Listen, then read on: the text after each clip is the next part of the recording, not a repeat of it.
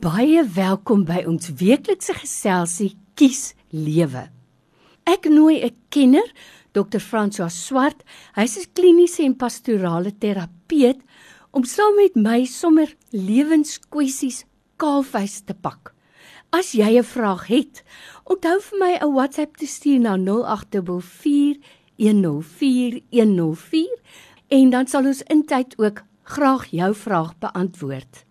Die hele doel van ons geselsie is om ook vir jou te help dat jy by 'n punt kom waar jy kan sê ek kies lewe. Dr. François, vandag takel ons 'n moeilike onderwerp, maar dis tog een wat baie mense mee worstel. Jy weet ons leef in 'n gebroke en stikkende wêreld. Mense word seer gemaak, te nagekom. Hulle word eintlik verniel. En dan kom iemand anders en hulle kom met 'n Bybelvers en sê maar jy moet vergewe. En die persoon sê vir jou sê ek sal vergewe, maar ek sal nooit vergeet nie. So iewers in 'n agterkop weet hulle die Bybel sê ek moet vergewe, maar ek gaan nooit vergeet nie. Wat is vergifnis? Beteken dit ek moet die persoon weer om die hals val en net so lief hê soos voorheen? Ja, Lorraine, ek wil graag nog verder gaan as jy met die Bybel. Die Bybel maak dit vir ons moeilik, veral Jesus nê nee, wat nog sê ons moet 70 maal 7. Ek was nooit baie goed met wiskunde nie. Maar dit klink vir my na 'n klomp kere. Hoor, moet jy vergewe. Dis 'n hiperbool wat ons gebruik in 'n taalkonstruksies van hoe ernstig hierdie onderwerp is waaroor ek en jy vanmiddag gesels dat ons altyd op die pad moet wees om mense tweede kansse te gee. Maar hoe werk dit? Kom ons kom by 'n gedeelte van jou vraag wat sê ek sê jy vergewe, maar vergeet nooit nie. Die feite van die saak is, die brein is nie in staat regtig om te vergeet nie. Mm. As ons dit regkry in die brein om dit te onderdruk, dan kom dit op vreemde maniere. Baie keer wanneer ons ontspan, wanneer ons slaap, kan dit in die vorm van nagmerries terugkom na ons toe, die onderbewussyn. Maar die brein het nie soos rekenaars. My seun is in die rekenaar wêreld en hy het altyd my baie stip in die oë gekyk en gesê: "Pa, pa moet nou mooi vir my kyk." Maar eintlik het 'n rekenaar nie 'n delete knoppie nie. Want hierdie slim ouens weet dat dit wat ons uh, op digitale vorm sit, sweef iewers rond. Hulle praat van clouds. Ek verstaan nie altyd al die goed nie, maar dis daar dit is die beeld wat my altyd tref in terme van hoe ons met mekaar praat en met mekaar werk is soos 'n jong man wat na 'n ou wyse man toe gegaan het en ook raad gevra het rondom hierdie ding van vergifnis en hoe hy versigtig moet wees hoe hy optree. En toe het hy vir die oom gevra nou maar wat bedoel jy presies? Toe sê hy man gaan huis toe en gaan vat een van jou ma se kussings en dan gaan gooi hy al die vere uit. En dan na so 2 ure probeer jy weer al die vere terugkry. Wow. In daai sloop. En die jong man van hom sê, "Maar dit is onmoontlik wat jy vir my vra. Dit kan nie gebeur nie." En toe sê die wyse man, "Jy's reg. As dit eers uit is, as die daad eers gedoen is, is dit gedoen." En daarom moet daar met daardie daad gehandel word. Nou daar's wyse hoe ons daarmee werk. Die Bybel help van ons daarmee dat daar erkenning moet kom. Die ou ou Genesis 2 en 3 waar die sonde in die wêreld kom en waar daar eintlik net vergifnis of net sê ek is jammer moet kom word op die ou en blamering. Ons ken die Adam en Eva verhaal. Die Here vra vir Adam, "Wat het jy gedoen?" In plaas van dat hy sê, "Here, vergewe my, ek het nie geluister na jou nie," begin hy met die oorsonde, die moedersonde, die default soos wat die mense in die rekenaar wêreld praat. Ons gaan altyd terug na blamering toe. En dan gaan die Here na Eva toe en vra vir haar, nou wat wat sê jy? En dan, dan blameer sy die slang en so gaan die mm. verhaal aan. En ons lees later in die in in die skrifte in die Ou Testament van van Dawid, die man na God se hart, wat baie talente gehad het, maar het foute gemaak en hy is gekonfronteer. En hoekom het hy hierdie titel gedra, die man na God se hart? Want die Here het hom deur Nathan, die dominee van daai dag, het hy hom, die pastoor het hy hom gekonfronteer en gesê jy is die man. En toe het Dawid gesê ek is die man. En hy het gesê ek ek het vergifnis nodig. Dis vergifnis is 'n groot onderwerp veral as volgelinge van Christus. Die hele gedagte van die kruis skree een groot begrip na ons kant toe. Ek vergewe vir jou. Ek betaal die prys vir jou. Wie is ek en jy? Wie is jy as 'n luisteraar dat jy kan sê, "Maar ek vergewe niemand rondom my nie." Uh ons kan eintlik nie as gelowige volgelinge regtig met dit wegkom nie. Maar kom ons kom terug. Die brein kan nie regtig vergeet wat met jou gebeur het nie.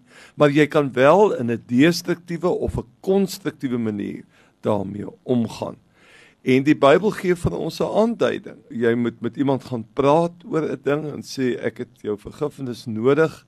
Ek wil graag hê dat ons hierdie saak tussen ons regmaak.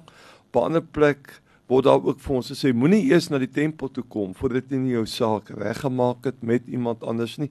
Dis moenie godsdienstbedryf as jou saak nie reg is en in orde is met mense nie. Die woord kom baie sterk daardeur. En as dit nie werk nie, kry iemand wat julle albei vertrou wat bysit en kyk of julle nie versoening kan kry nie. En as julle dan nog sukkel, sorg dat julle by iemand uitkom wat vir julle professioneel dan deur die proses van konflik kan vat en kyk of julle nie mekaar regtig van harte kan vergewe nie. Dis uh, Lorraine groot vraag, groot uitdaging, maar jy kan by die punt kom dat jy sê, is tyd dat ons 'n nuwe bladsy omslaan. Mm. Kom ons begin met 'n nuwe hoofstuk in ons lewe. Ek weet wat gebeur het. Ek gaan dit nie teen jou hou nie. Ek sal dit onthou, maar ek dink dit is tyd dat ons totaal nuut die pad saam met mekaar loop. En ek weet in die gevangenisdiens het hulle ook begin met 'n hele program van regstellende geregtigheid en dit verstom altyd vir my as ek nou lees in die koerant of ek sien op TV mense teen wie die skreiendste misdade gepleeg is. Byvoorbeeld, hulle kind is voor hulle oë vermoor en dan staan hulle nog in die hof en sê ons het besluit om die persoon te vergewe. En dan dink ek altyd by myself, ek wonder of ek dit sou kon doen. Maar een ding wat ek besef is, hulle spreek daardie persoon vry, maar eintlik is hulle die mense wat vry is. Maar dit is moeilike begrippe, dis dinge waarmee ons sukkel en ek dink daarom kry ons die blameering of die blame shifting. Adam sê dis Eva, Eva sê dis die slang en die arme ou slang het nie 'n voet gehad om op te staan nie. So waar eindig dit nou eintlik?